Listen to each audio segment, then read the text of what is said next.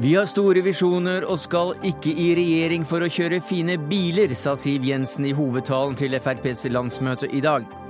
Oljefondet bedriver skadelig hemmelighold, hevder finanstopp, som møter toppsjefen i oljefondet til debatt.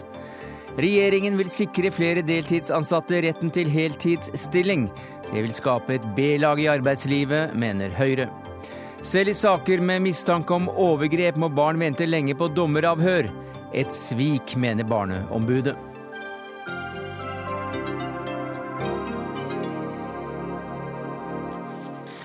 Ja, Det er noen av sakene i Dagsnytt 18 denne fredagen, der vi også får siste nytt om kampene i Kabul. Men vi begynner med det som eh, er blitt sagt skulle være Siv Jensens kanskje viktigste tale.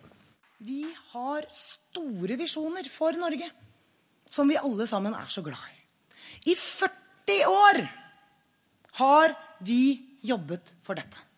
Nå skal vi ut og drive tidenes valgkamp, slik at vi kan sette fornuften ut i livet etter 9.9. og sørge for en enklere hverdag for folk flest. Tusen takk skal dere ha.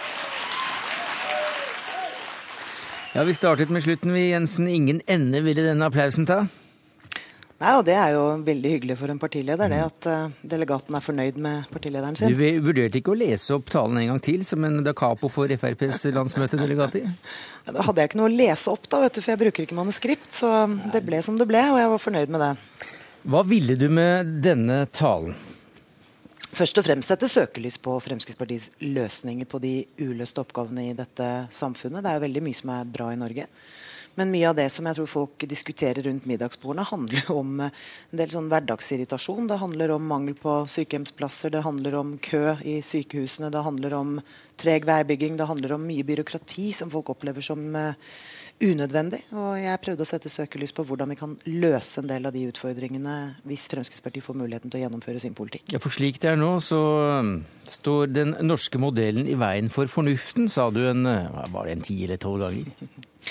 Jeg forsøkte å illustrere at uh, veldig ofte så bruker jo det politiske flertallet modeller og systemer som man skal si, en unnskyldning for å la være å gjøre ting som innbyggerne forventer at skal bli gjort. Et sånt uh, system eller en modell er jo f.eks. handlingsregelen, som man skyver foran seg i tide og utide når man skal bortforklare hvorfor man ikke investerer uh, raskere i veibygging f.eks. Og dette eh, var jo da en slags eh, start på valgkampen også.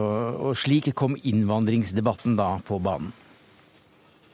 Er det virkelig bare Fremskrittspartiet som tør å snakke om at kostnadene ved dagens innvandringspolitikk, hvis den får fortsette, bare i fem år til Bare i fem år til!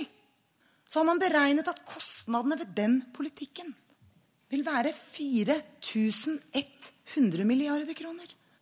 Her, mine damer og herrer, så er det ikke bare den norske modellen eller det norske systemet som står i veien for fornuften. Her er det naiviteten som står i veien for fornuften. Ja, hva er det som koster 4000 milliarder pluss noen vekslepenger over en femårsperiode, Jensen?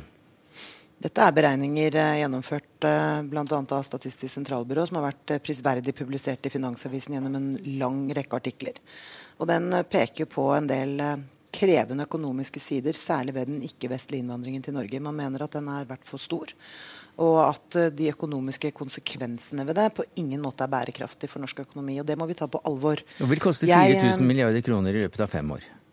Ja, det er, ja, nei, ikke i løpet av fem år. Hvis, eh, hvis, eh, den politikken som føres nå, får eh, fortsette i fem år til, mm. så vil sluttregningen på det være 4100 milliarder. Det er de beregningene som er gjennomført. Og det er ikke jeg som har regnet, det er det fagfolk som ja. har gjort. Men du, hvis det er riktig at, som du også sier her, at det eneste partiet som, som snakker om slikt, det er Frp, så blir det vel vanskelig å få gjort noe med dette i en eventuell ny regjering? For rent flertall får du vel neppe? Vi er et lite stykke unna rent flertall, det har du rett i. Men uh, dette vil jo være et av de områdene Fremskrittspartiet vil uh, gå til forhandlingsbordet med. Det er avgjørende viktig for oss å få strammet inn norsk asyl- og innvandringspolitikk. Og det, hvor, hvor avgjørende? Det, det, tror jeg vi har det store flertallet av det norske folk med oss i også. Hvor avgjørende i forhandlinger? Jeg tror ikke vi skal ta de forhandlingene i Dagsnytt 18 i Nei, men er det, virkelig, er det virkelig avgjørende for Frp? Jeg nevnte i min tale til landsmøtet Fremskrittspartiets uh, hovedvalgkampsaker, som selvsagt også vil stå meget høyt på dagsordenen når vi setter oss til forhandlingsbordet. Men så vet jeg av erfaring at forhandlinger det gjør man i lukkede rom, og man gjør klokt i å ikke legge ned mm. ultimater på forhånd. Men avgjørende hørtes jo nærmest ut som et ultimatum, da? Jeg mener at det er viktig for Norge at vi får strammet inn asyl- og innvandringspolitikken. Og eh, det vil være viktig for oss å få gjennomslag for. Så er det jo sånn som jeg også har sagt mange ganger både i dag og tidligere. Fremskrittspartiet skal jo ikke regjering eh, for å få titler og svarte biler. Vi skal i regjering fordi vi mener alvor med politikken vår. Da vil vi selvfølgelig også ha gjennomslag for viktige deler av det. Men her kommer jo velgerne inn i bildet òg, da. Mm. Jo større Fremskrittspartiet blir, jo større innflytelse får vi også over politikken. Men i talen din så sa du da altså dette, dette med biler, at du, du, ikke går inn for å kjøre flotte biler. Er det noen du vet om som har den motivasjonen i dag? Det er jo en måte å illustrere på at uh, man kan se på regjeringsdeltakelse på to måter. Den ene måten er at det er knyttet makt til det. Den andre måten er at det er en mulighet til å få gjennomført politikk. Og For Fremskrittspartiet så er det det siste som er viktig. Og det er hele bærebjelken i vårt regjeringsprosjekt. Nemlig at vi skal gjennomføre den politikken vi har jobbet for i 40 år. Det er som sagt ikke helt sikkert at du heller blir statsminister, eh, og bare vel 6% mener at det er en god idé ifølge dagens måling. Men hva slags posisjon Bør Frp få en regjering om, om styrkeforholdet er ca. et snitt av meningsmålingene i dag? Jeg tror ikke vi skal ta de forhandlingene i Dagsnytt 18 heller. Fremskrittspartiet prøver å bli størst mulig ved valget 9.9, sånn at vi får mest mulig innflytelse. Og jeg tror vi må gjøre ting i riktig rekkefølge. Først må vi vinne valget, så må vi gjøre gode forhandlinger, og så kan vi begynne å dele ut posisjoner. Men du gikk også tilbake til røttene, til eh, Anders Lange i dette jubileumsåret. Det er vel 40, 40 år siden Saga og, og, alt det der. Anders Lange som for øvrig mente at på Stortinget burde ikke kvinner, kvinner sitte. Men eh, du trakk fram at dere på sak etter sak etter sak hadde forandret norsk politikk da via at andre partier måtte kopiere Frp-politikken etter hvert. Så hvorfor da gå inn i regjering når dere har så mye makt på sidelinjen? Nå viste jeg vel en del eksempler på at det ble gjort litt sånn halvhjertet. da. Eh, et eksempel var jo dette med salg av melk og brød på søndager. Vi får jo altså nå lov til det i Norge, men vi må gjøre det innenfor en brustabu hvor det skal være trangt og dårlig matvareutvalg. Fremskrittspartiet skjønner jo ikke hvorfor man skal trekke opp sånne kunstige begrensninger, fordi vi lever i et samfunn hvor eh, ja, arbeidslivet forandret seg, familieformen har forandret seg, interessene våre har forandret seg, og da må også samfunnet forandre seg. Så dere får mer makt tross alt i regjering enn å påvirke andre partier? Ja, selvfølgelig gjør man det, og det er jo hele poenget. Men det er mye bedre å la originalen gjennomføre ting enn å få dårlige kopier til å gjøre det. Morna igjen, sa du, som uh, Carl I. Hagen har sagt før. Ja, jeg viste til at Fremskrittspartiet i veldig mange år har uh, hatt Arbeiderpartiet som sin uh, hovedmotstander. Vi har drevet valgkamp under slagordet 'Morna Jens'. og Derfor understreket jeg også veldig klart og tydelig at Fremskrittspartiet faktisk er den største garantisten for at uh, blir det et uh, ikke-sosialistisk flertall i Stortinget etter valget, så skal ikke Arbeiderpartiet ha innflytelse over politikken heller. Det er noen som snakker om, om SV-fella. At SV og partiet som SV i regjering med et dominerende parti vil, om ikke forsvinne, så bli veldig, veldig mye mindre. Eh, hva tror du om det? Jeg mener at SV-fellen handlet om to ting. Det første var at SV forankret regjeringsprosjektet sitt veldig dårlig i egen organisasjon. Og Derfor fikk du veldig mange av disse demonstrasjonene på plenen og andre ting som gjorde at de fikk en litt krevende start på regjeringsprosjektet sitt. Dernest så har de vært utrolig flinke til å dyrke nederlagene sine i stedet for å vise frem hva de faktisk har fått til i eh, regjeringssamarbeidet. Og det mener jeg mange har noe å lære av. fordi eh, alle som skal være partnere i et eh, regjeringssamarbeid, må gi hverandre plass. Må være rause med hverandre og la det gjøre det mulig å skinne. Og jeg tror det er viktig for alle partier, uansett størrelse, at de kan få vist frem at det betyr noe at de sitter i regjering, for de har fått til eh, viktige ting som de har slåss for for velgerne sine. Og det skal du slåss for på landsmøtet, som altså avsluttes søndag. og Du får et godt eh, landsmøte, slik vi sier til alle partiledere. Siv Jensen. Fridtjof Jacobsen, kommentator i VG. Du satt i salen da Jensen holdt talen sin. Var det en god tale? Eh, den var ikke, veldig, den var ikke dårlig, for å begynne med det. Men jeg har jo hørt uh, både bedre landsmøtetaler og Siv Jensen tale bedre, uh, hvis man skal ta det på en sånn formgrep. Jeg syns den var litt springende, og jeg syns også dette catchphrasen, som man ville sagt på amerikansk, da, eller slagord i talen, nemlig at den norske modellen står i veien for fornuften, eller i veien for folket, eller i veien for løsningene, den, den syns jeg var en ja, den, ikke, den fløyt ikke helt hos meg. Men ga talen en retning for delegatene, som jo den var, var myntet på?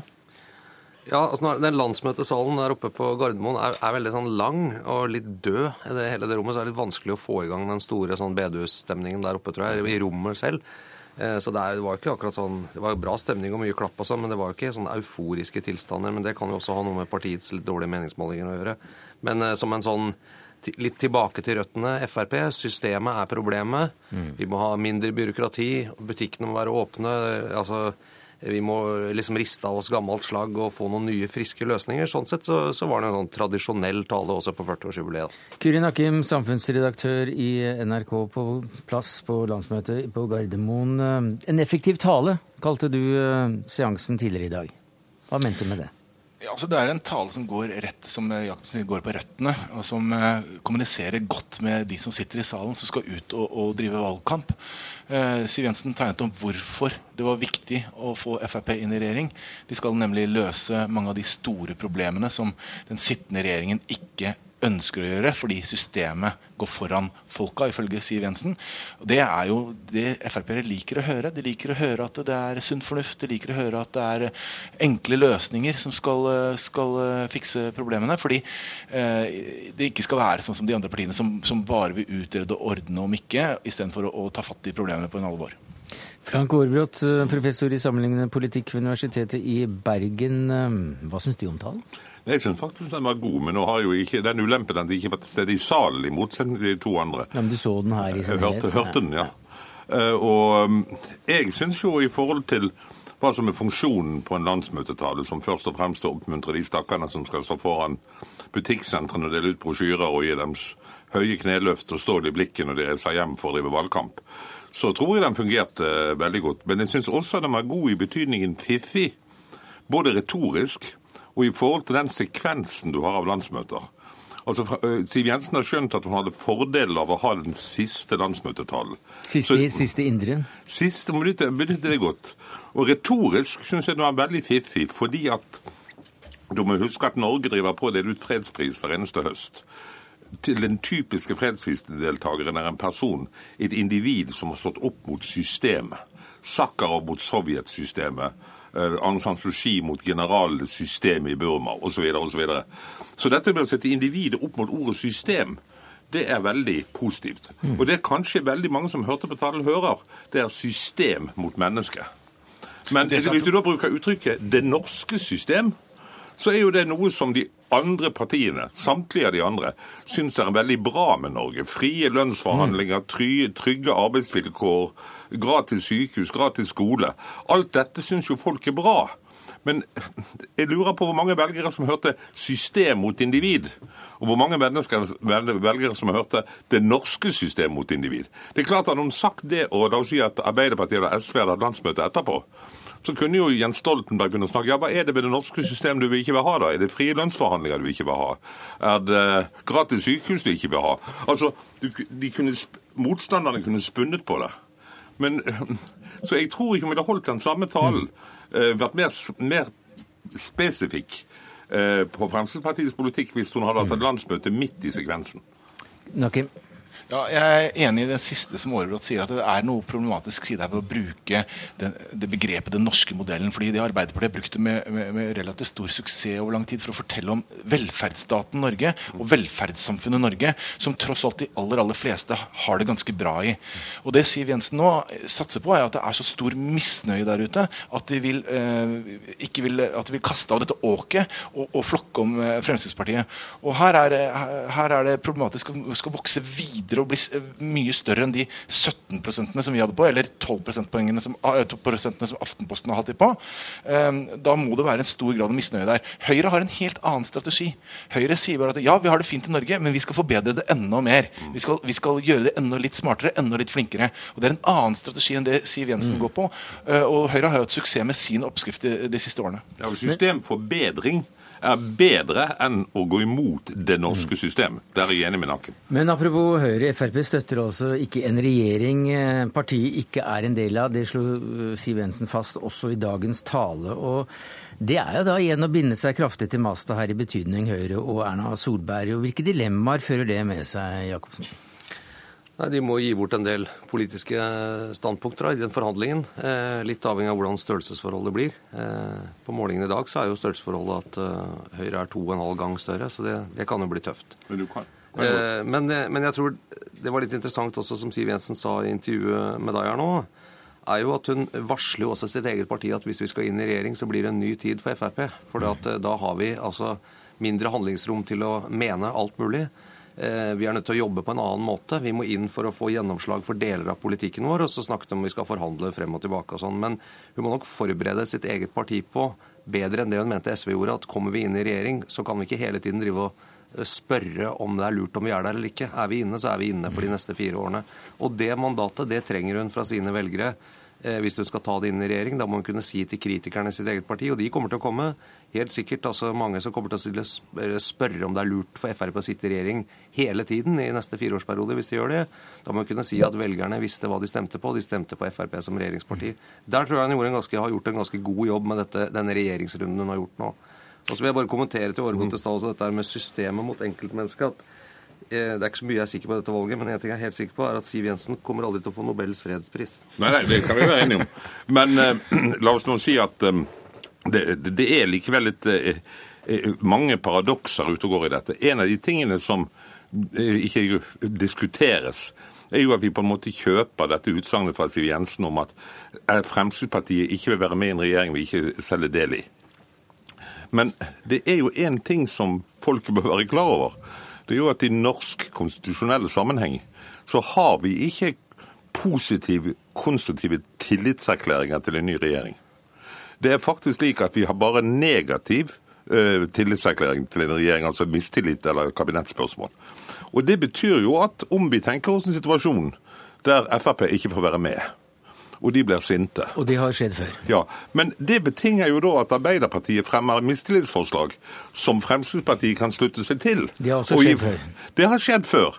Men jeg tror ikke i en sånn situasjon at eh, Arbeiderpartiet vil være dum nok til å fremme et mistillitsforslag som vil hjelpe Siv Jensen til å felle regjeringen Solberg veldig tidlig. Mm. Det ville være usedvanlig tåpelig av Arbeiderpartiet. Så i hvert fall i de første to årene vil en sånn trussel være rimelig tom. Nettopp pga. det forholdet at en norsk regjering ikke trenger en tiltredelsestillit. Men hør på hva Siv Jensen sier. Hun snakker negativt om den tidligere Bondevik-regjeringen. Eh, den sier hun klart at hun ikke vil ha.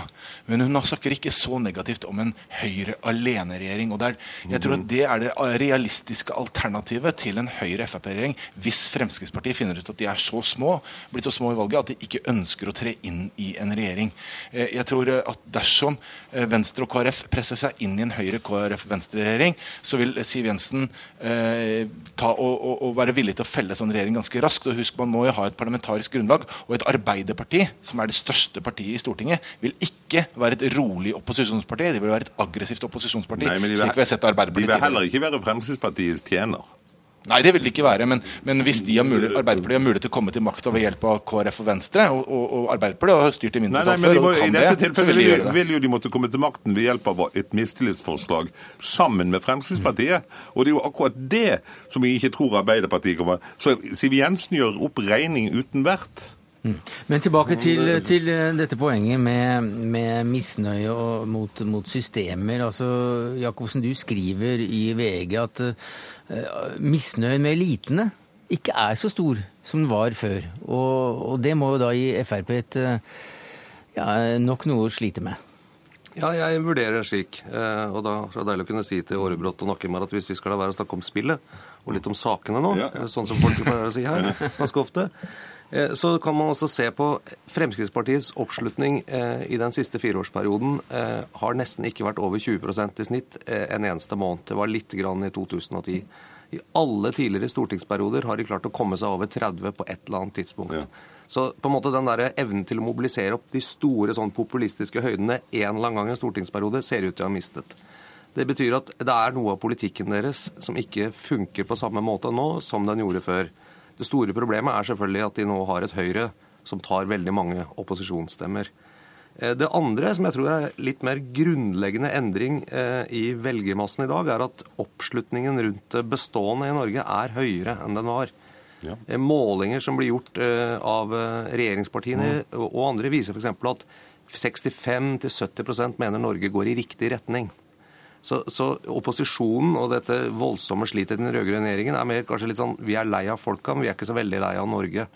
Og da blir denne retorikken til Siv om at den norske modellen står for fall, systemet er noe galt, vi må ha et nytt mm, mm. system, vi må liksom ta den store rengjøringen, oppussingen, få inn masse fliser på badet mm. og glassvasker og alt mulig sånn, det, den, den, klinger ikke på samme måten som den gjorde f.eks. For, for ti år siden. Men, men, men, hva, men hva, da med, med, innvandringsdebatten? Det var jo på det punktet hun vel høstet uh, jo, sterkest og, applaus. Og Der sa hun også at et stort flertall av det norske folk støtter deres innvandringsstandpunkter. Mm. Uh, det har jo vært en, på en måte en vedtatt sannhet, ikke bare hos Frp, men hos Mange. Jeg syns det er interessant å se på Oslo-valget 2011. De tydeligste innvandringskritikerne i Frp er i Oslo. Det er Christian Tybring-Gjedde, Carl I. Hagen. Christian Tybring-Gjedde har hatt en meget liksom, skarp posisjon i den debatten i Oslo lenge. Mm. FrPs valg i Oslo i 2011, som er det, altså, mm. den store innvandringsbyen, det er her utfordringene er. Det er her liksom, enten paradiset eller Sodoma og Gomorra er for de som er opptatt av innvandring. Eh, det viste jo at Frp ble jo så å si utradert som politisk parti i Oslo. Og dette tror jeg man kan merke seg. Jeg tror også det er et ganske stort skifte på dette med innvandring. Det betyr selvfølgelig altså Innvandring vil nok kunne mobilisere Frp-velgere som ellers ikke ville stemt.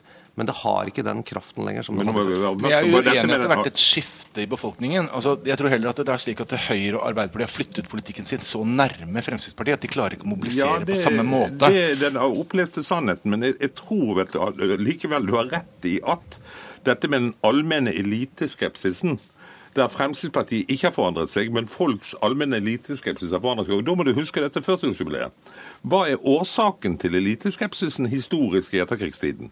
Det er de to EU-avstemningene. Det er den EU-avstemningene e både i 72 og 94 som topper eliteskepsisen i Norge, når folket vinner over elitene. Mm. Det er da Anders Lange står frem i Saga kino. Det er da Fremskrittspartiet etter 94 får sitt andre løft. Og ikke bare de, men selvfølgelig også Senterpartiet og SV i perioder. Så elitekritikken, krisen i den allmenne tilliten til den politiske eliten i Norge, er nøye knyttet til EU-avstemningene. Det var altså da også ventet at eh, Og det ble snakket i forkant om at Siv Jensen skulle markere eh, partiet sitt som en klar kontrast også til Høyre. Men det skjedde vel ikke helt, eh, eller gjorde det det der du satt og hørte på, Kyrin Nei, jeg syns ikke det. Jeg synes Måten hun skiller seg på, er jo nettopp det at hun vil ha dette systemskiftet i motsetning til Høyre, som ikke vil ha det. Men det handler mer om, om stil og, og, og, og, retorikk. Ja, for det var ikke noen eh, konfrontasjon? Uh, absolutt ingen konfrontasjon med, med, Høyre, rent bortsett fra at hun uh, ville rydde opp litt i denne diskusjonen som har gått om, om, om regjeringsspørsmål eller ikke. Ja. Ja, altså, ja, men i politikken så er det klare forskjeller. Også hun, hun, bompenger er jo fortsatt en sak for, for Fremskrittspartiet og, og, er viktig i, i talen. Eh, handlingsregelen er viktig. så I saker sånn så gjør hun det, men hun går ikke i konfrontasjon direkte. Hun utfordret ikke Høyre direkte, slik hun har gjort det i, i noen intervjuer tidligere i uka. Eh, og som kanskje noen hadde ventet at skulle komme. Mm. Hvorfor gjorde hun ikke det, Jacobsen? Kanskje hun allerede har fått sagt sitt denne uka. Eh, det ble sagt at eh, siste hånd på denne talen eh, uten manuskript det ble lagt i går, så kanskje hun var greit å roe seg litt før det ble enda surere. Takk skal du ha, Fridtjof Jacobsen, kommentator i VG, Frank Aarbrot, professor ved Institutt for sammenlignende politikk ved Universitetet i Bergen. Kyri Nakkim, du er der oppe på Gardermoen. Hvilke saker er det det er ventet at det kan bli mest spenning og kontrovers rundt? Ja, vi er, vi er, svært spent på om eh, vi vil stramme til enda mer på bompengespørsmålet. altså at Denne motstanden mot bompenger som vil binde en eventuell forhandling med Høyre. Men det store spørsmålet kanskje er faktisk spørsmålet om kommunesammenslåing og hvorvidt man skal ha lokale avstemninger for å gå med på det. Det kommer til å være en av de store diskusjonene eh, som her oppe. Det går jo litt på om politikerne skal styre eller folket skal styre. Og På radioen så får du de um, største flatene, sendeflatene i ukeslutt i morgen og i Søndagsavisa på søndag. Takk skal du ha.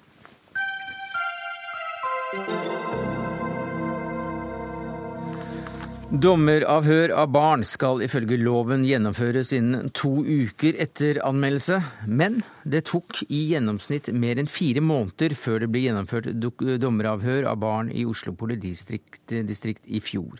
Det viser tall fra Statens barnehus i Oslo. Og dette gjelder også saker der det er mistanke om overgrep. Barneombud Anne Lindboe, du kaller dette en hån mot barns rettssikkerhet. Ja, jeg nøler ikke med å kalle dette den største skampletten på det norske rettssystemet i dag. For det er klart at eh, når det går i, i snitt fire måneder fra et barn utsattes for en alvorlig, potensielt alvorlig voldshandling eller et eh, overgrep, til barnet blir eh, avhørt, så, så lever barnet ekstremt utrygt i påvente av avhøret. Og kvaliteten av avhøret blir mye dårligere, og sakene blir altfor ofte henlagt. Ja, kvaliteten blir dårligere. Hvordan da? Det er klart at Du kan jo tenke selv hvis det har gått fire måneder fra, fra, en hendelse til de skal forklare deg detaljert om den, så er det vanskelig nok for en som er voksen. Eh, for et lite barn eh, som, eh, som, allerede kan ha litt problemer med å forholde seg til, til detaljerte beskrivelser, så vil det bli enda vanskeligere. Og så opplever vi også ofte at barn blir manipulert av foreldrene sine til å, å ikke fortelle noe. Hvis foreldrene får fortsette å ha samvær med barna i, i mellomtiden. En del barn ønsker også ikke å, å fortelle noe etter hvert, fordi at den tiden er forbi da de hadde et ønske om å formidle seg. Du sier også at det er et svik mot barna hvis ikke justisministeren iverksetter kraftstrakstiltak. Hva etterlyser du? Jo, altså Grunnen til at jeg kaller det et svik, er at dette er ikke noe nytt. Eh, dette her, Allerede i 2009 fikk jo, eh, skrev politiet om dette her i, i sitt eget eh, interne magasin, at de var bekymret for at ventelistene ble lange. Og, og, etter det så har det årevis blitt ropt varsku om dette her. Jeg gjorde det selv for et års tid siden. Eh, og unnskyldningene som hele tiden blir brukt, er at vi må utdanne flere dommeravhørere. Og det er jo det samme som blir brukt ved denne anledningen også. Men problemet er jo det at eh, det dreier seg egentlig om prioriteringer. Vi har allerede, eh, etter etterretning jeg har gjort, rundt 180 dommeravhørere i Norge. Det burde egentlig ha vært tilstrekkelig hvis man hadde prioritert å bruke alle disse til barnesaker. Hva slags, hva slags strakstiltak er det du ser for deg? Eller krever av regjeringen? At man, at man, skal mene noe når man, skal si at man, når man sier at man prioriterer barnesaker. Jeg ønsker at nå skal man sette inn alle tilgjengelige ressurser. Alle dommeravhørere skal prioriteres til å brukes i barnesaker. Eh, politidistrikter må prioritere barnesakene. Ikke bare enkelt, eh, en enkelt seksjon, men hele politidistrikter må bestemme seg for å, å, å prioritere. Eh, og få helt klare signaler fra, fra sine politisjefer om dette. Og I tillegg så man, eh, må man utnytte den mobiliteten som er mulig med å flytte dommeravhørere fra et distrikt til et annet hvis det samler seg opp restanserett sted. Det får vi til når det gjelder statsbesøk og, og andre finurligheter, og da burde det gå an når det gjelder vold mot barn også. Hva sier du til dette, Pål Martinsson, du er statssekretær i Justisdepartementet? Nei, Jeg syns det er bra at Barneombudet peker på mangler i systemet. Og dette er åpenbart en, et problem. Eh, med de lange ventetidene. Jeg har eh, selv vært eh, dommer og deltatt på en rekke av disse, den type dommeravhør. Og jeg ser jo på hvor annerledes et avhør av barn er i forhold til avhør av en voksen. Mm. Noen ganger er det jo barn ned i fire-femårsalder som har opplevd ting som, som man vanskelig kan forestille seg. Og det krever både kompetanse av den som foretar avhøret, men jeg ser jo også gjennom det hvor viktig det er at disse avhørene foretas tidlig. Både av eh, bevismessig hensyn, altså rett og slett at man husker best eh, når det foretas tidlig, men også at Eh, at man gjør at barnet kan prøve å komme seg videre. For det er jo en vanskelig sak for barn å, å snakke om. Det er akkurat det Barneombudet snakket om. Mm. Ja. Så nå har du gjentatt akkurat det hun sa, for så vidt. Ja, så vi er så, helt på linje der. Ja. Så virkelighetsbeskrivelsen er dere mm. helt enige om. Barneombudet er forholdsvis eh, utålmodig når det gjelder eh, at nå må faktisk noe skje. Dette har vært oppe før. Det har blitt ropt varsko år etter år etter år. I 2009 så var det tall som viste at det var nøyaktig samme da, og det er samme i dag. Mm. Dette er noe vi tar opp med eh, Politidirektoratet og Riksadvokaten, og gir dem veldig tydelig beskjed om at man må prioritere særlig mm. vold og overgrep mot barn, og generelt vold i nære relasjoner. Da er vel alt i orden, eh, Anne Lindboe? Nei, men... Eh, Et øyeblikk, jeg må bare høre Anne Lindboes uh, syn på det? Ja, altså, alt der i det er jo veldig gledelig at det nå kommer, eh, kommer så tydelige signaler fra, fra, Justisdepartementet om dette her. Og det virker jo som de nå har på en måte innsett alvoret i dette her. Men det er klart at, eh, at eh, det å si fra er fint, men det, må også, det er det at, at handling må følge ord. Så, så, er jeg veldig spent på hva slags strakstiltak som, som settes inn nå. For det er klart at disse ventelistene er allerede så lange så mange steder, og det er såpass alvorlig at, at her må det bare prioriteres og handles nå. Mm. Og jeg er spent på hva som blir gjort. Ja, altså Jeg pratet eh, med eh, politimester i Oslo i dag. Eh, og de har åpenbart, og der er jo et av de stedene, distriktene hvor ventetidene var aller lengst i fjor. Og Det virker som de har tatt disse signalene veldig på alvor. De har nå doblet antall avhørere. De får nye stillinger til sommeren på volds- og sedelighetsavsnittet. Eh, og de har tatt unna mange av de sakene som, eh, som har ligget. Sånn at eh, Han rapporterer at tallene for 2013 viser en betydelig lavere ventetid enn en fjorårets tall. Men det er fortsatt et stykke å gå. Sånn at, sånn at jeg har bedt om nå å få en eh, jevnlig rapportering, ikke bare fra Oslo politidistrikt, men fra samtlige politidistrikt, eh, for oppfølging av nettopp eh, denne ventetiden. Limbo? Ja, det er veldig fint. Og, det er klart at det, står jo i lovverket i dag at det skal være to, eh, to uker. Så vi er jo, vi er jo lysår unna. Selv om det er blitt en bedring, så, så er vi fremdeles langt unna. Det er også foreslått uh, i forbindelse med utarbeidelse av nydommeravhørsforskrift at det kan ned til én uke.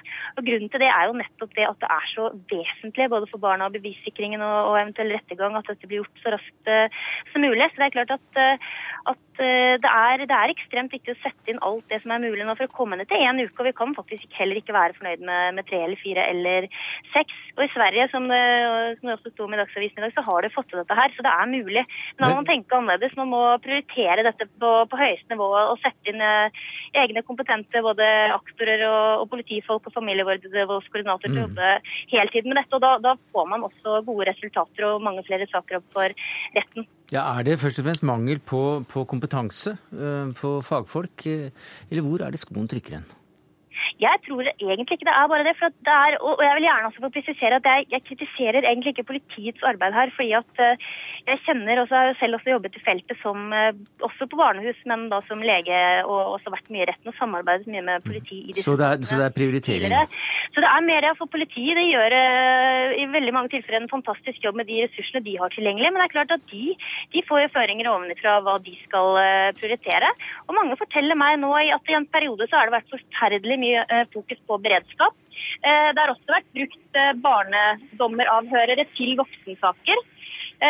Som, som, man heller da burde ha brukt til, mm. til barnesaker. Så det er nok en gang tilbake til det, det at vi må prioritere eh, barnesakene. Sånn. Ja, altså jeg tror, altså Denne regjeringen har jo hatt et veldig fokus både på vold i nære relasjoner og vold og overgrep mot barn. Og jeg tror nok det man ser er at Antall anmeldelser har økt kraftig. og Politiet etterforsker dette mer, sånn at det blir et større trykk på å få gjennomført flere dommeravhør eh, av barn. Og Det er for så vidt bra at det er en fokus på det, men det er litt krevende å identifisere hvor flaskehalsene vil komme. Mm -hmm. eh, og det vi dere nå har gjort... Dere har hatt åtte år på dere, da? Ja, men det vi nå har gjort, er jo da å se at nå må vi passe på at eh, eh kapasiteten på selve barnehusene ikke blir en flaskehals. Sånn at Barnehuset i Oslo får nå doblet antall ansatte. Hva er, sånn... mål, hva er ditt mål det neste året, da? Nå er det fire måneder. Loven sier to uker. Ja, det er, det må... har, du, har, du noe, har, du, noe, mål for Altså, har du satt deg noen mål? Nei, altså Fristen er jo to uker. Ja. sånn at det må jo være målet, å komme ned på fristen så, så, snart som mulig. Men nå skal det sies at dette er veldig forskjellige typer saker. Og noen eh, av disse avhørene er jo barn som har vært vitne til eh, vold som kanskje ikke har rammet eh, dem. dem direkte. Nei. Og eh, det er nok Det er jo en um, forskjell også på, på um, viktigheten. Men fire, på, fire, måneder er vel mye? Fire måneder er uansett vel mye. Takk skal du ha, Pål Martin Sand, statssekretær i Justisdepartementet, Anne Lindboe, barneombud.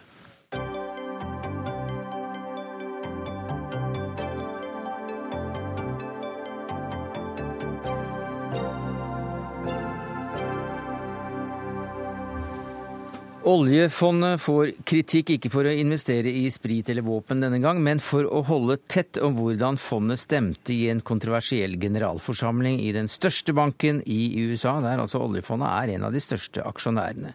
Kritikken den kommer både fra politikerhold, vår på lederplass i Dagens Næringsliv, og fra norsk finansmiljø og fra finanstopper, nærmere bestemt deg, Harald Espedal, du er admdir i Skagenfondene. Hvorfor var nettopp denne generalforsamlingen som vi snakker om nå, så kontroversiell? Den var kontroversiell fordi JP Morgan var en bank som gikk på eh, mange, milliarder i, mange milliarder dollar i tap i fjor, knytta til handlinger som et fåtall personer på London-kontoret hadde utført. Eh, dernest, eh, og, og det avstedkom en diskusjon om Jamie Dimon, eh, bankens toppsjef, burde både være styreformann og konsernsjef, eller om denne rollen burde eh, deles. Ja, For nå er han begge deler. Stemmer det.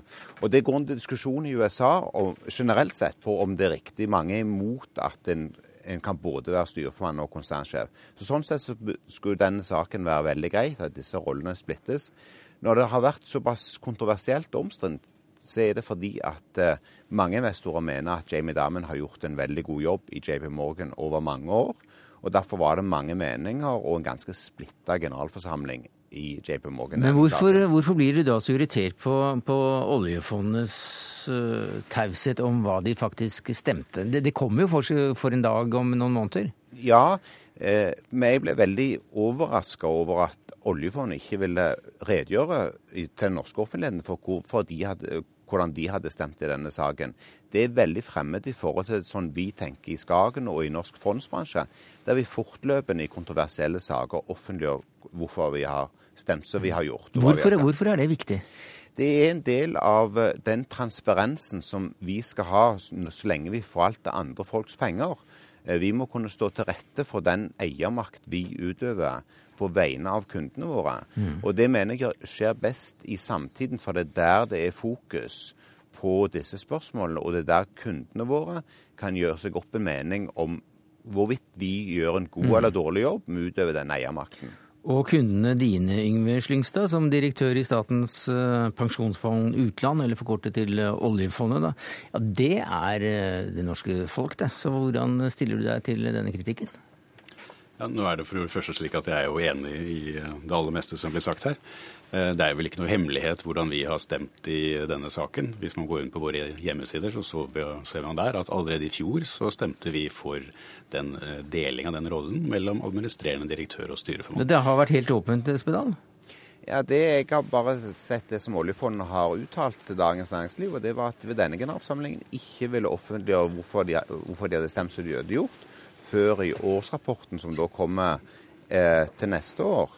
Og jeg har jo konstatert at det har vært eh, oppfølginger på det siden, og der en heller ikke har, har redegjort for hvorfor, hvordan en har stemt på denne generalforsamlingen. Nei. Men ingenting er bedre enn at bare det er åpenhet om det, at en kan bare si rett ut hvordan en stemte. Ja, Hvordan stemte du, da? Ja, Det var en, eh, et agendapunkt nummer seks på den generalforsamlingen, som var en deling av rollen mellom styreformann og administrerende direktør. Mm. Og da stemte vi selvsagt for deling av uh, disse rollene. Ja. Og vi tror det er svært viktig i uh, internasjonale banker, ikke minst de som er systemkritiske, at det er en balanse mellom administrerende direktør og styreformann. Men la meg bare da si én ting, og det er jo riktig at vi uh, faktisk kommer ut med alt vi har stemt på våre 7400 selskaper. Mm. Og det er mer enn 10 000 generalforsamlinger i året. Og det samler vi opp og kommer med i forbindelse med årsrapporten. Ja, Men ikke løpende? Vi har til nå ikke hatt det på løpende, men det er jo fordi vi ikke har hatt en veldig stor pågang for det. Det er ikke nødvendigvis slik at kontinuerlig informasjon i stor mengde er den beste informasjonen.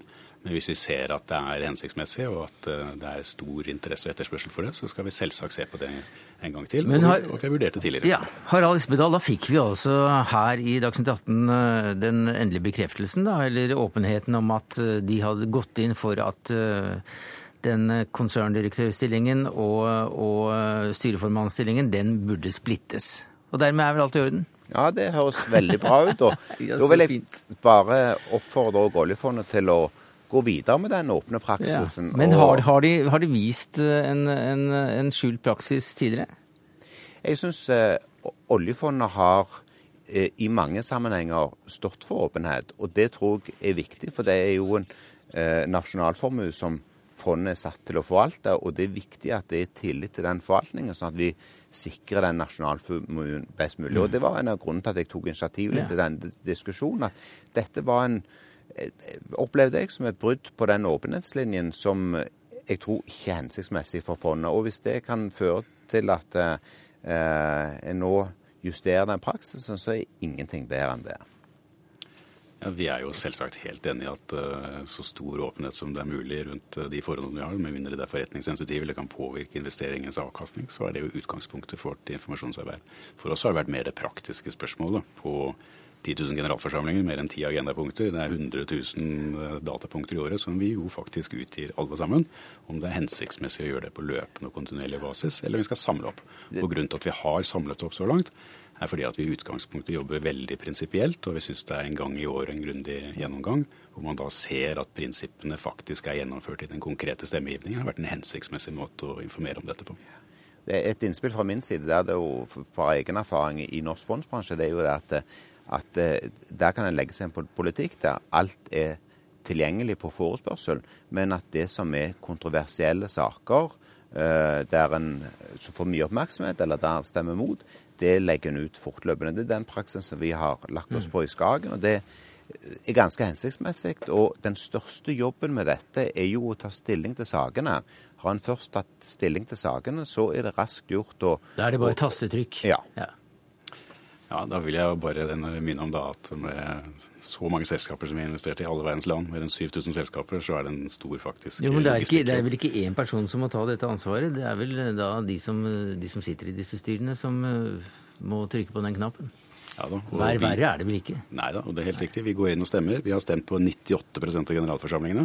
Grunnen til at ikke 100% er i, i kontinent som Afrika f.eks., så har vi ikke greid å stemme på mer enn halvparten av generalforsamlingene. Men det er full åpenhet om absolutt alt vi stemmer. Men, men, du, men du nevnte også at uh, det ikke alltid er hensiktsmessig, for at av og til kan det være greit å samle opp og få en helhetlig gjennomgang av praksisen. Uh, hvorfor kan det være det?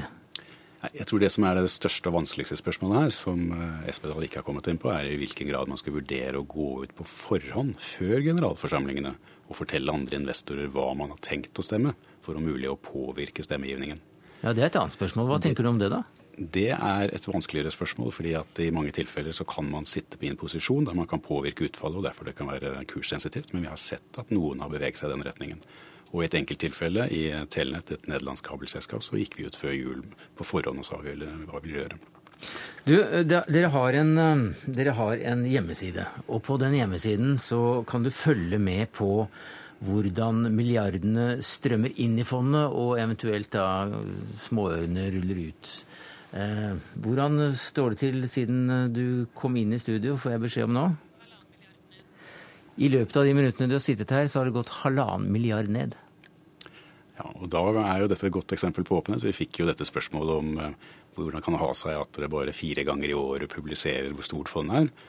Og så var det er greit. Vi kan publisere det kontinuerlig, realtid hvis vi ønsker det. Så nå er det 14 ganger i sekundet og full åpenhet om hvordan det er til en hvilket som helst tidspunkt. Men jeg tror jeg må slippe deg ut jeg, før vi taper hele formuen vår her. Ingvild Slyngstad, takk skal du ha som direktør i Statens pensjonsfond utland, også som viste en uh, for vel mange en forbausende åpenhet når det gjaldt akkurat hvordan de hadde stemt på denne generalforsamlingen, Harald Espedal. Men takk for at du dro opp denne saken som admdir i Skagenfondet.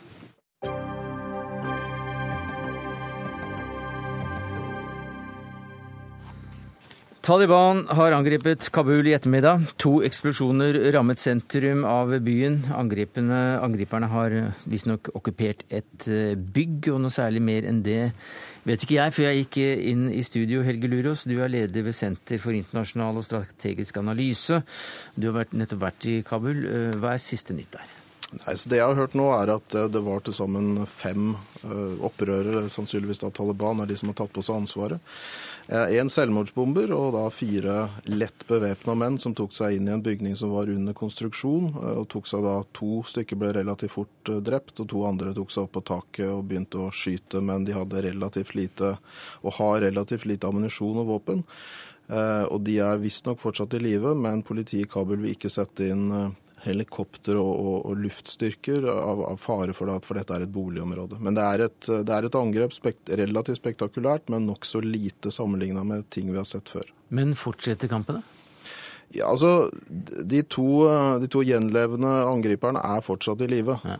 Så, så, så, de er da ikke på en måte likvidert ennå, men de utgjør vel ikke noen stor trussel i øyeblikket, er det siste jeg har hørt. Så går da ryktene som, som alltid rundt slike angrep, men nå er det da en, en Pulitzer-prisvinner av en journalist som hevder at norske spesialstyrker har vært involvert i å slå tilbake angrepet. Hva, hva, hva sies om det? Altså Det kan nok hende, fordi så vidt jeg eh, er blitt gjort kjent med, så har ISAF eh, vært eh, blitt tilkalt til stedet, også vært av de som har da på en måte forsøkt å få kontroll over denne situasjonen.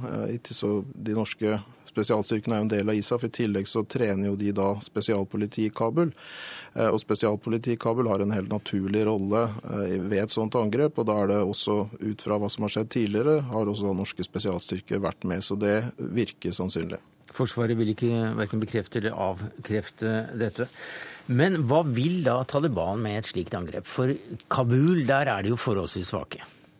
Ja, og på mange måter så er det vel flere av oss som har venta på at et sånt angrep skulle komme nå. At det nærmest var en nødvendighet for, for Taliban av symbolske årsaker å markere at sommeroffensiven som de annonserte i april, er i gang, mm -hmm. også da i Kabul. Eh, de jo, det er jo relativt mye Taliban-aktivitet i øvrige deler av Afghanistan. Eh, men det er klart at det er angrep i Kabul som først og fremst da får i hvert fall internasjonal oppmerksomhet, og også skaper en del uh, usikkerhet da i eliten i Kabul. Så det har vært uh, Det vil egentlig bli stilt spørsmålstegn ved Eh, Talibans kapasitet hvis de ikke hadde gjennomført et sånn type angrep fordi de har gjennomført dem tidligere. Men hva sier det da om, eh, om, kapasiteten til Taliban, at de faktisk kan gjennomføre et slikt angrep? Forholdsvis spektakulært og i en sone som burde vært preget av sikkerhet? Ja, altså Som tidligere så vet vi jo at de har denne, denne, kapasiteten. Det er jo, det siste jeg hørte når jeg var i Kabul nå, er at de regner vel med at det er rundt 50 000 relativt aktive Taliban-soldater. Det er klart De utgjør en formidabel sånn sett styrke i Afghanistan. De har liten tilstedeværelse i Kabul. Det de har klart tidligere, er mer sofistikert og større operasjoner enn det det ser ut til å ha vært denne gangen. Det er heller ikke de mest sensitive, mest bevokta områdene de har, i Kabul de har tatt denne gangen, noe de har klart tidligere. Hvorvidt det er et tegn på at sikkerhetsstyrkene i Kabul faktisk er noe bedre eller ikke, er vanskelig å si. Men jeg tror ikke vi skal overvurdere hvilken kraft Taliban utgjør mot Kabul eh, i øyeblikket. Der er de fortsatt temmelig marginale. Men du nevnte at eh, det er annonsert en sommeroffensiv. Ja. Hva kan man forvente der? Det vi har sett, er eh, en stor andel med veibomber og angrep mot afghansk sikkerhets, eh, afghanske sikkerhetsstyrker, som jo får fem til ti personer drept hver eneste dag faktisk i Kabul. Og dette er mm. angrep som foregår en rekke ulike steder i Afghanistan, inkludert av den tidligere norske provinsen i Faryab. Eh, og da i de tradisjonelle områdene hvor det bor mange pashtunere, hvor de nå også da utnytter det at ISAF og amerikanerne er i ferd med å trekke ned, og at de også da trekker tilbake luftstyrkene. Så jeg tror først og fremst det vi vil se, er en rekke ulike hva skal jeg si, anslag i ulike deler av Afghanistan, og også da forsøk fra Taliban på å ta ytterligere kontroll over en god del områder, som vil gjøre det veldig vanskelig å gjennomføre valgene på en troverdig måte i 2014. Men jeg tror ikke de kommer til å sette inn noe hovedangrep mot de store byene. Det har de foreløpig ikke kapasitet til. Nei, for uh, Du var jo der for 14 dager siden. og det var vel ikke fullstendig kaos i denne byen? Mange melder om snarere tvert imot, så, så virker den forholdsvis rolig? Ja, det var også mitt inntrykk. at uh, altså, det, altså, Både faktisk sikkerhetsstyrkene virka noe mer på en måte solide og stødige enn jeg har i hvert fall opplevd dem tidligere. og Det var en generell opplevelse av normalitet som sådan i Kabul. Og, og eliten i Kabul er jo opptatt av, av, noe helt annet egentlig enn Taliban. De er jo opptatt av interne maktkamper og posisjoneringer i forhold til valget som sådan. Og ikke minst når jeg var der, også denne, de regelrettige nesten kampene som var mellom afghanske styrker og pakistanske styrker. Så Taliban var sånn sett et relativt marginalt fenomen. Men det er klart det var jo også en bekymring å spore hos sikkerhetsstyrken i forhold til hva det faktisk nå har å si at amerikanerne og Nato trekker seg ut, og mye frustrasjoner over at de mangler nå spesielt av luftstøtte, og også hva det vil ha å si på etterretningssiden. Så det var ikke noe stor selvtillit som sådan, men det var heller ikke noe krisestemning, i hvert fall ikke rundt situasjonen i Kabul. Som man kanskje skulle få inntrykk av gjennom mange samtaler om disse temaene tidligere, at afghanerne selv overhodet ikke er i stand til å ta vare på heller ikke hovedstaden. Men slik det ser ut nå, så, så kan også afghanerne selv slå tilbake og, og, og, skape sikkerhet for befolkningen i områder. Ja, altså I visse områder, men det er klart, nå har jo ikke Nato og USA helt trukket seg ut ennå. så Det gjenstår jo fortsatt å se hva som vil skje da. Det er helt klart at, eller tror jeg at vi har noe å si for moralen, og den vil gradvis gå ned. Og så evner vi ytterligere svekkes. Fortsatt så er det en betydelig tilstedeværelse av Nato og amerikansk personell. Men det vi ser er jo at i de områdene hvor de har begynt å trekke seg ut, så får afghanske sikkerhetsstyrker stadig økte problemer. Eh, og, og det er jo også en fare for her opp mot valgene i 2014 at det blir en splittelse der internt på, på den siden som ennå ikke er Taliban, altså mellom Karzais eh, pashtuner-dominerte fraksjoner og Nordalliansen, de ikke-pashtunske elementene, at de ikke klarer å enes om en felles kandidat før valgene. At vi sånn sett får en splittelse og en mulighet også for at sikkerhetsstyrkene da fragmenteres i, i det bildet der, som har veldig lite med, med Taliban å gjøre som sådan, men som er en ytterligere mm. utfordring Afghanistan har nå. Det snakkes stadig om uh, å komme til forhandlingsbordet med Taliban. Hva skjer der nå? Er det noe, er det noe kontakt mellom f.eks. regjeringen og, og ledende folk i Taliban? Det virker som det er svært få reelle kontakter som, som forsøker å få en slutt på konflikten som sådan. Uh, og det er klart, her har vi også da, spiller da selvfølgelig også Pakistan Eh, en, en, betydelig rolle. Og Pakistans posisjon er nok i ferd med å endre seg noe, men, men, det har vært såpass spent mellom Afghanistan og Pakistan på overordna nivå at jeg tviler på om pakistanerne er veldig velvillig innstilt for å bringe Taliban til forhandlingsbordet eh, med, med, regjeringen i Kabul. Og Det er jo også en tendenser nå til at eh, regjeringselementer eller sikkerhetstjenesten i Afghanistan også støtter da opp under anti pakistanske elementer, Taliban i Pakistan. Så her har vi en sånn stedfortrederkrig på begge sider som jeg tror gjør det veldig vanskelig å få til en forhandla løsning nå før 2014. Helge Lurås, eh, leder for eh, Senter for internasjonal og strategisk analyse, SISA. Takk skal du ha. Hør Dagsnytt 18 når du vil, på nettradio eller som podkast. nrk.no – dagsnytt 18. Ja, Regjeringen vil sikre at flere får rett til heltidsstilling. Den foreslår at deltidsansatte skal få rett til den stillingsprosenten de faktisk har jobbet det siste året. Eh, arbeidspolitisk talskvinne i Arbeiderpartiet, Anette Trettebergstuen. Eh, hvordan ser du behovet for dette? Jo, behovet for, eh, for, en sånn lovendring er eh, stort. Det er eh, altfor mange, altså tusenvis av spesielt damer, og spesielt i pleie- og omsorgsyrkene, som i dag jobber i små stillingsbrøker, og så jakter de på ekstravakter for å få ting til å gå rundt. Det her går utover muligheten til å få huslån, eh, muligheten til å planlegge fritid og muligheten til å være økonomisk selvstendig. Så det er et liv i konstant jakt etter mer arbeid. Eh, vi mener at eh, ufrivillig deltid, som det er snakk om her, da, den ufrivillige deltida, mm. det, er, det er arbeidsløshet, og den skal bekjempes som annen arbeidsløshet. Derfor så tar vi nå et krafttak mot ufrivillig deltid med en rekke lovendringer. Deriblant den mertidsparagrafen som gjør at de damene som i dag jobber kanskje 30, 30 stilling, og er avhengig av å jakte disse ekstravaktene, når de har gjort det i et år, altså reelt sett jobba mer enn 60 for eksempel. for eksempel, eller 100, mm. da skal de faktisk ha, ha, det også eh, som formalisert stillingsbrøk. For det har konsekvenser for nettopp muligheten til å kunne få huslån, eh, mm. pensjon og den type ting. Så jeg er veldig glad for at vi nå har fått dette på plass.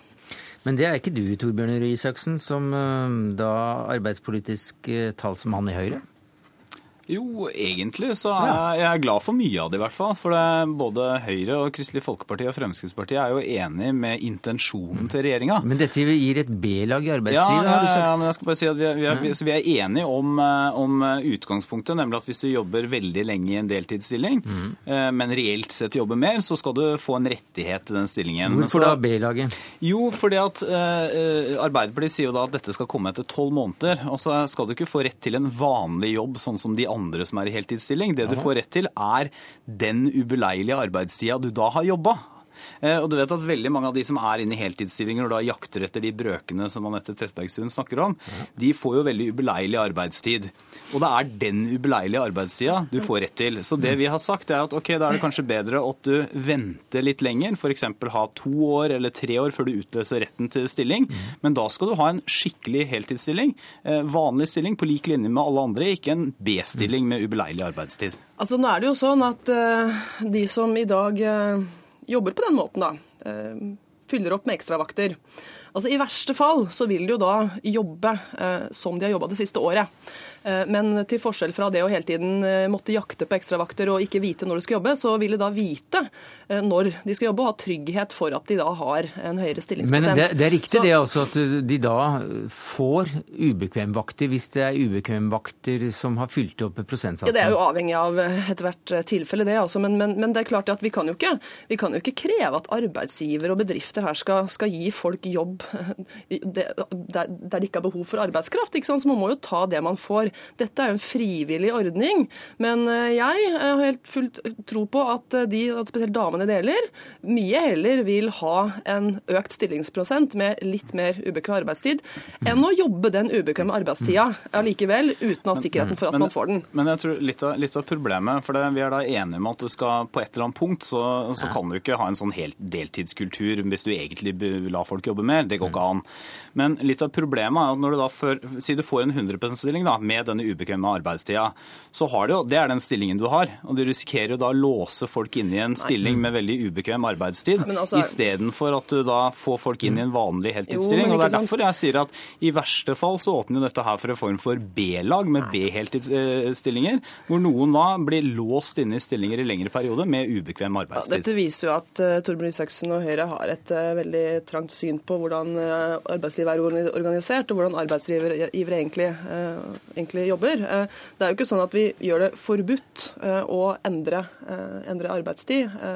Det er heller ikke sånn at eh, en turnus eh, er liksom lagt for all tid. Turnuser de legges hvert kvartal eller hver måned. Det vil jo ikke være, eh, være sånn at man for all tid skal jobbe på den arbeidstiden med de, på de Så, premissene så, så, man det, så det er ikke slik at hvis du f.eks. har da julaften kveld det året du får fylt opp prosentkvoten din, så må du ikke ha det neste år? Nei, og dette, dette endrer man jo på den enkelte arbeidsplass. Man i samarbeid med, med, med arbeidsgiver legger opp turnusplanene, så dette er egentlig bare tull, altså. Nei, for, men jeg tror, for å være helt ærlig så tror ikke jeg regjeringspartiene har tenkt grundig nok gjennom dette. Jo, og det er derfor vi foreslår at vi er, vi er enige i prinsippet, men vi foreslår da la oss gå en runde til for å lage et bedre system. hva, hvis- For det er nettopp fordi at du plukker jo disse små?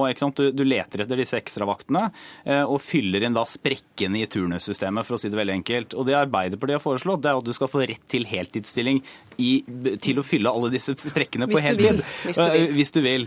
Men det gjør jo da nettopp det vi sier, at du lager en form for liksom B-heltidsstilling istedenfor å si at ok, da venter vi litt lenger tid, og så får du en ordentlig jeg registrerer at dette, altså, Høyre nok en gang er liksom passive til hele problemstillingen med ufrivillig deltid. Det har de vært i all sin tid. Det er vi som foreslår nye, kraftfulle lovendringer som langt på vei realiserer retten til heltid. Men, nei, men Torbjørn, dette har vi hatt på høring. Vi har jobbet med det i flere år. Eh, Det er et kjærkomment tiltak for, eh, for veldig mange yrkesgrupper. Eh, De har ønsket det. Eh, jeg registrerer at du er misfornøyd med innretningen på ordningen, men du, du foreslår ingen annen ordning. og Det er, Jo, vi- dette er vi veldig det. typisk Høyre. Nei. Sier at det er enig i intensjonen, eh, forsøker å retorisk framstå som at de vil ufrivillig deltid til livs, men har ikke verktøy og vil ikke være med på Har forslagene som ikke- har virkelig har ikke Vi har et verktøy. Det vi Ja. sier er at du skal ha en lengre tidsperiode enn tolv måneder, og så skal du få utløst retten til en eh, foreslår- vanlig fast stilling med vanlig arbeidstid.